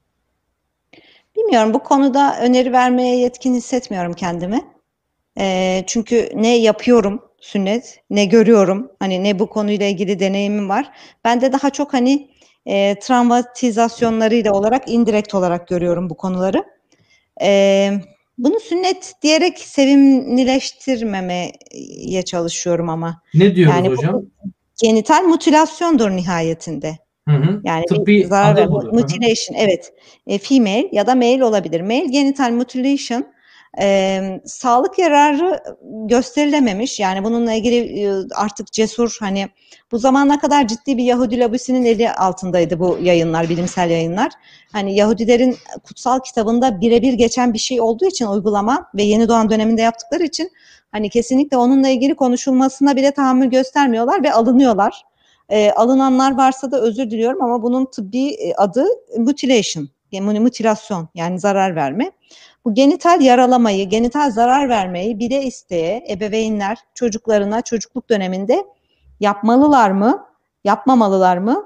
E, açıkçası hukukçular yapmamalılar diyor. Yani yarın bir gün çocuğunuz sizden şikayetçi olabilir bunu yaptırdığınız için. Çünkü o henüz Onu kendi bedeninde. Yani. Kimse bize sormadı. Kararımızı evet. evet. alamadık. Bunu özellikle de bu mutilasyona e, kendi, kendisi de çocukken maruz kalmış e, adamların olduğu bir ülkede konuşmak oldukça zor. Hı hı. E, yani çünkü herkesin kendi sünnetiyle ilgili e, anıları var. Fakat bazılarında bu fazla bir içinde yer etmiş ve böyle bir ağız ishali şeklinde biz de sünnet oluyoruz, askere gidiyoruz, kadınlar da şöyle yapsın o zaman falan böyle bir kadın düşmanlığını onun üzerinden okuma hali var. Yani keşke siz de sünnet travmanız üzerinde çalışsanız o zaman şeklinde önerim oluyor benim onlara. Ee, şey yani dolayısıyla hocam, mesela sonradan indirekt görüyorum ben. Yani o sünnetin sosyolojik boyutuna baktığımızda mesela ben o zaman çocuk haklı şey istedim işte anne dedim işte bir düğün yapacağız falan dedim dedim. Annem yalan attı bana dedi günah oğlum falan dedi. Aslında çok güzel bir şey yaptı. Benim ne sünnet düğünüm oldu ne böyle Hı. padişah falan filan şeyle ben hastanede oldum. Devlet hastanesinde oldum. Annemin arkadaşları e, vardı ameliyatın. Ameliyat şeklinde oldu. E, tabii ki yani bir de onun sosyolojik şey var. Hadi tamam o dediğiniz olay oluyor. Sonrasında onu böyle yüceltme, işte kral kostümleri verme, eline asa Evet. verme. Ya Evet. bu hep çocukluktan böyle büyütüle büyütüle. Work yapan kadın yarı- çıkartma, onu oynatma falan. Öyle şeylerden var ya. Vallahi biz onları hiç Öyle bir Twitter'da trend oldu. Öyle bir video paylaştılar çocuk. Ne yapalım bu kadar Aa, insanı gece evet, kulübüne mi götürelim falan dedi böyle. hatırladım ya o ilginç şeyler yani. Hiç Erkek oldu benim oğlum falan. İşte o toplumsal erkeklik inşasının e, çabaları. E, şimdi sünnetin böyle bir tarafı var. Bir de yani sosyolojik tarafını asla e, ihmal edemeyiz. Bu çocuğu sen sünnet yaptırmadığın zaman e, bu çocuk 8-9 yaşında bakacak bütün arkadaşları sünnetli. Benimkini niye yaptırmadınız diye de hesap sorabilir. Yani ben 9-10 yaşına geldim. Benimkini niye yaptırmadınız? Aynen. Hmm, bir de özellikle çocuk cerrahı ve ürolog bir iki arkadaşla konuştum bunu. Askerdeyken yapmış bir sünnet mesela. Yani kocaman 20 yaşında adamın sünnetini yapmak hani erekte olmaması lazım çünkü oraya dikiş koyuyorsun. Ee, diazen verdim diyor. Hani O yüzden mi çocukken yapıyorlar hocam? Erekte E, Yani diye. erekte olmaması lazım. Çünkü oradaki dokunun gerilmemesi lazım o Patlar. iyileşene kadar. Patlayabilir. Evet, dikişler patlar. Doğru. Ha. Yani sonradan ben yaptırmaktan ya. Şimdi anladım. Sonradan yaptırmaktansa ergenlik öncesi dönemde yaptırmak e, hani bazen tek seçenek olabilir. E, özellikle de bizim toplumumuz gibi yaygın olarak herkesin yap- yaptırdığı bir şeyde bir ciddi bir mahalle baskısı hissediyorsun ve yaptırıyorsun yani bir şey diyemeyeceğim o konuda. Dolayısıyla Hocam bu ne ne negatif yayından- bir öneri yapmamış olayım. Tamamdır. Agi Hocam yayınını varsa şey makaleyi nasıl bulacağını merak etmişti bir arkadaşımız. Valla onu sonra mı atarım linkini şu an bulamayacağım.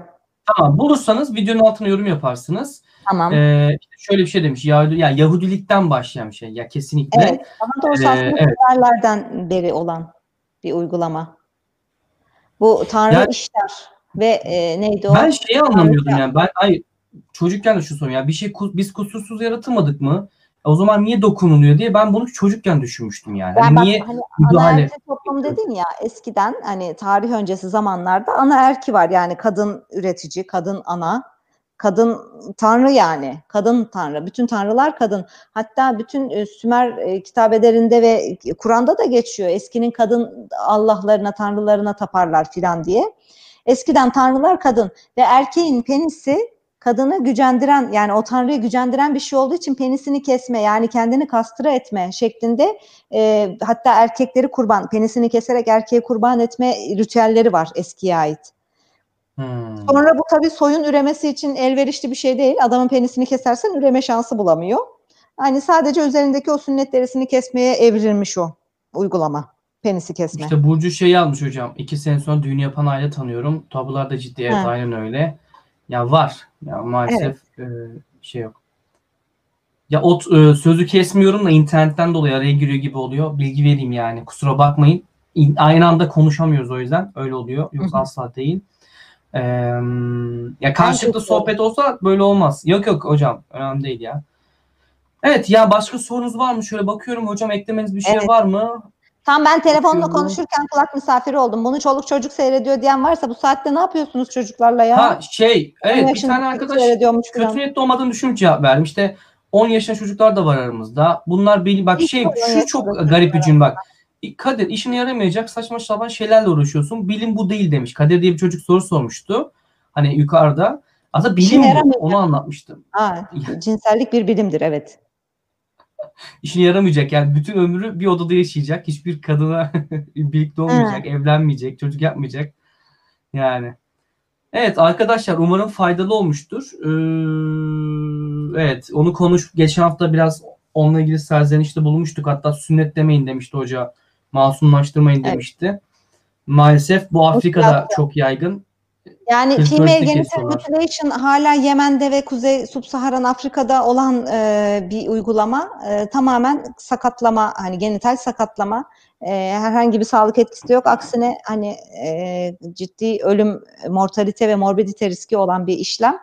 E, amaç orada tamamen kadın cinselliğini baskılamak. E, ve o Şu olay hocam. Evet, keserek. Soru gelmişti de ben onu sormayı unutmuşum. Bu kalçanın vajine göre çok doğrudan temsil etmesi kalçanın daha yani ben anlayamadım soruyu. Vajina dediği vulva mı acaba? Vulvayı Evet. kastederek vajina diyorlar ya.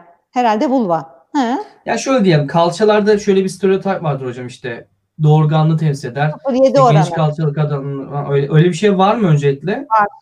Ee, o e, adet döngüsünü sağlayan östrojen ve progesteron hormonlarının düzenli şekilde arka arkaya salınması o bel kalça oranının kadın tipi yağlanma diyoruz ona. Kalçanın daha geniş, belin biraz daha arkadan baktığında ince görünmesine sebep oluyor ve bu evrimsel olarak doğurganlığı gösteren bir şey olduğu için mesela erkek tipi hormon salgılayan ya da işte dü- düzenli dengeli bir şekilde östrojen progesteron salgılamayan kadınlarda bu oran daha bozuk oluyor. Bel daha kalın oluyor. E, dolayısıyla üreme şansı daha az o kadında. Evrimsel olarak üreme şansı daha çok olduğu için yumurtlayan, doğru düzgün yumurtlayan kadınları daha çekici bulması böyle bir evrimsel açısı var. Şey e, açıklaması var 0.7 Hmm. kalça oranına. İki soru var. İkisi de aynı gibi. Anlarsanız bana da anlatın hocam. Cinsel yönelik enerjiye sürekli başka yöne yönelmek zararlı mıdır? Cinselle olan enerji uzun süre başka bir uğraşa. Yani ben şöyle bir şey söyleyeceğim. Şöyle bir şöyle bir grup da oluştu. Ya bunun zaman kaybı olduğu, ha bir an önce işte başka No şey. Yani abi atomu parçalıyorsunuz geri kalan zamanda. Ben onu anlamadım yani. Kötü bir şey değil ya da boş bir şey değil ki. E, yani e, bir nevi meditasyon yani günlük e, bir döngüsü var ya dünya kendi etrafında tam tur dönüyor 24 saat içerisinde. Sen uyuyorsun ve uyanıyorsun. O 24 saatlik döngü içerisinde e, bedenini e, yani işte bu aslında hem doğunun kadim öğretilerinden de gelen bir şey. İşte yoga, meditasyon, işte İslam'da namaz, şeyde de Hristiyanlıkta da işte o günah çıkarma ve yataktan önceki o yaptıkları dua. Yani bu bir ritüel ve bir meditatif yani bedenin döngüsünü bir resetleme oluyor. E, mastürbasyon bu e, meditatif döngü içerisinde bir yer bulabileceğini düşündüğüm bir şey ya da işte cinsel enerjiyi boşaltma ne, ne diyorsan onun cinsel ilişkiyle de olabilir, mastürbasyonla da olabilir. E, fakat sürekli olarak bilinçli olarak ya bu gene uyarıldı ben bunu bastırayım baskılayayım habire bunu bu, yani müziğe vereyim kendimi sürekli daha çok dead trash yapayım bilmem ne yapayım falan filan hep böyle. E, bunun bir zararını ben bilmiyorum açıkçası. Becerebilenlere e, bravo ne diyeyim. E, fakat baskı uzun süre olduğu zaman o mutlaka bir yerden tak, e, patlak veriyor. Yani cinsellik bir şey gibi, e, buhar motoru gibi. O buhar kazanı e, aralıklı olarak deşar, tahliye edilmezse o basınç bir, bir yerden sonra patlamaya yol açacak kadar artabiliyor. Onu arada tahliye etmek lazım. Yani orgazmda o tahliye oluyor. Bir soru var hocam. Ee, direkt sizde. Ee, rahimde miyom mu oluşumu normal bir şey mi? Miyom ne olduğunu bilmiyorum. Mantar mı? Bakteri mi? Miyom, e, miyom e, rahim duvarında iyi huylu kas e, büyümesi, tümör, tümöral bir oluşum ama iyi huylu. Ama iyi yolu. Tamam. Değil. E, bunlar e, rahmin duvarının dışına doğru olabilir ki o zaman pek bir şey etki yapmaz. Rahmin içinde olabilir e, ya da rahmin iç kanalında, iç duvarında olabilir. Rahmin iç kanal, iç duvarında olduğu zaman gebeliğe e, engel olabilir ya da şiddetli kanamalar yapılabilir, yapabilir. O zaman alıyoruz onu. Fakat rahim duvarında ve rahmin dışına doğru olanlarda 4 santime kadar pek ellemiyoruz. Menopoza girince çünkü küçülüyor. Fakat menopoza gidene kadar büyüme, içine kanarsa ağrı yapma ihtimalleri olabiliyor. O yüzden genelde 4-5 santimden büyük miyomları alma eğilimlisi oluyoruz. Arkadaş demiş ki atom parçamız ama çok yoğun çalışıyoruz. Cin- Cinsellik zulü. Tamam Şu yani soruyu- şu- e, ona enerjin kalmıyorsa yapma ne bileyim ne diyeyim. Yapma ya aynen. Ama bir günde patlama yani. Hocam atalarımızın anaerkil olduğunu söylemiştiniz. Nasıl, neden a- e, ana anaerkil demiştiniz? Ataerkil topluma doğru evrilmiştik biliniyor mu demiş. Yani çünkü avcı toplayıcıyken kadın e, ana, kadın tanrı e, o yerleşik düzene, o tarım devrimiyle beraber, neolitik devrimle tarım olmaya başladığı zaman o tarım yapmak için belli bir araziyi çevirmen, o araziye sahip çıkman, o araziyi e, yırtıcılardan ve diğer e, yağmacılardan koruman gerekiyor. O koruyan da kas kitlesi daha fazla olan erkek oluyor. Ve dolayısıyla o erkeğin etrafında bir şey oluyor. Köy e, ve köyün işte alfa erkek, alfa kadın o dönemlerde seçiliyor. E, o a- alfa erkeğin e, hakları, sahipliği giderek e, daha böyle ondan sonra işte derebeylikler, işte şeyler, e, krallıklar vesaire. Sonra krallıkların yıkılması filan filan bugüne öyle geliyoruz yani. Ama e, ataerki hani aslında bizim bildiğimiz bütün tarih ataerki. Tamamı Evet. yani. Bu arada izleyici artıyor. Azalmıyor hocam. Yani en çok izlenen canlı yayınlardan biri oldunuz. Sizi tebrik ediyoruz. Toplumun kanayan yarasını böyle durduruyoruz yani. Basmadık ona. Hatta Azerbaycan'dan bir arkadaşımız izliyor ve bir soru sormuş. Benim anladığım kadarıyla e, işte kadınların yüzde ondan e, ilk sekste kan geliyor falan filan ama bu konuları zaten ileride anlatacak hocamız. Yani bu her Evet. zaman kan gelmeyebilir diye bir olay Evet, zaten evet. var. Yani Kızlık ilk ilişki, kanama, bekaret bunları anlatacağım. Bunları Şu ileriki oralara çok yayınlarda kalmayalım. konuşacağız. zaten. Önemli olan cinselliğin bir bilimi olması bu akşamki şeyin ana noktası. Kadın cinselliğinin Aynen öyle. e, 19. yüzyıla kadar yok sayılması. Şurada yani 100 yıldır, 150 yıldır konuştuğumuz bir konu olması. Kadın orgazmı hele 1970'lere kadar mevzu değil. Kadınlar da orgazm oluyormuş ya. Aa çok enteresan. Niye oluyorlar ki acaba? Filan şeklinde 1970'ler şurada son 50 yıldır sorduğumuz bir şey yani. Nereden nereye? Şu an bunu rahat bir şekilde internet üzerinden konuşabiliyoruz. Eskiden bunun adı kadın da vardır ama canınız sağ olsun diyeyim yani. Hocam ben bir dizi önermek istiyorum. Kesin izlemişsinizdir. Bu biraz toplumsal normları da göz önünde bulundurarak. Anortodoks. Yani ha evet Yahudilik Mahudilik dedik biraz. İzlemedim Hocam ama izleyin izleyeceğim. ya. Sonra bir dedikodusunu. Sonra bir yorumlayalım bu diziyi. Tamam. Mesela buradaki işte yani burada da aynı şekilde kadın değil yani. Hani çok ilginç ortak noktalar bulacaksınız. Orta Doğu'daki çoğu halkla diyelim. Ee, mesela burada kızın saçının kesildiği sahne falan çok güzeldi. E, tavsiye ediyorum arkadaşlar. Anortodoks hocam. Siz de izledikten sonra yorumlaşırız. Ee, yani bunları hep konuşacağız arkadaşlar. Daha önce biraz konuştuk bunları işte. Ee, hocamız orgazm. çok sempatik. Çok sevdim kendisini. Evet biz de seviyoruz. Doktor tamam. Burada şimdi başka şey var mı önemli bir şey? Bu ne hocam? Ben anlamadım için. Eşya seçiminde Elektra ve Ha, Oedipus. Elektra ve Oedipus, Oedipus kompleksini biliyorsun. Tamam erkek Elektra ne? babasını öldürüyor ve annesini e, karı olarak alıyor kendine. Elektra da kız babasını şey annesini öldürüp kendisi karı olarak babasına.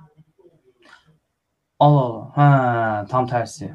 Aynen. Elektra da tam tersi kızlar için olan. Tamam. Böyle bir şey var mı eşya seçilimde? Bunun bir yeri var mı? Cinsel seçilim derken hani cinsel yönelimi mi kastediyor acaba? Galiba cinsel yönelimi Cinsel kastediyor. seçilim diyordur. Aynen. Yani e, Oedipus ve e, e, Elektra kompleksi Freud'un tanımladığı psikanalitik kuramda geçen bir şey. Yani cinsiyet rollerinin kazanılması ile ilgili. E, Freud'un tanımlamasına göre var gerçekten de cinselliği e, il- etkileyen. Fakat e, bilinç dışı kısımlar daha çok etkiliyor orada. E, ama yüzde yüz kesin bundan dolayı bu oluyor, bundan dolayı bu oluyor falan diye bir şey yok. Çok etkili, çok bir şey bu.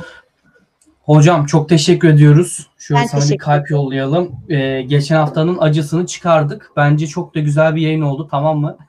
Vaktimizde zaman. Ee, mesela bak Burcu teşekkürler yani desteğin için. Hani hocamız gerçekten akademisen ve güzel anlatıyor. Kendisine teşekkür ediyoruz demiş. Bu yayınlara devam edin demiş. Sağ olasın Burcu. Bizi cesaretlendiriyorsun. Ya ben tabii başta ben böyle bir yayın düşündüğümde bu tarz ya da ilk LGTB dedim ya hocam 500 kişi gitti LGTB yayından sonra. Önemli değil yani hani insanlar kaçacak gidecek diye de olan bir Evet. gerçeği top... Efendim hocam? Mı dediniz? Ne dediniz? Ya hayır bir şey de ya izlemeden gitmişlerdir eminim ya. Başta görüp giden insanlar bile olmuş. Ay bu sorun cevabını vermeyeceğiz abi. Verme hocam. T-shot diye bir şey yapıyorlarmış. 2 santim büyütüyorlarmış ama fonksiyonel değil arkadaşlar. Ya Bir Twitter'da bir bir oğlan ünlendi bunu hocam. Twitter'da bir çocuk vardı hemşire adını unuttum neydi çok komik önüme düştü. Adam oradan bir para götürdü. Yok efendim bilimsel olarak mü- mümkündür bir şey demiyorum da adamın alanı değil. Hemşire bir çocukmuş böyle. Milletin parasını söğüşledi. Şimdi herhalde e, iyi para kazanmıştır yani.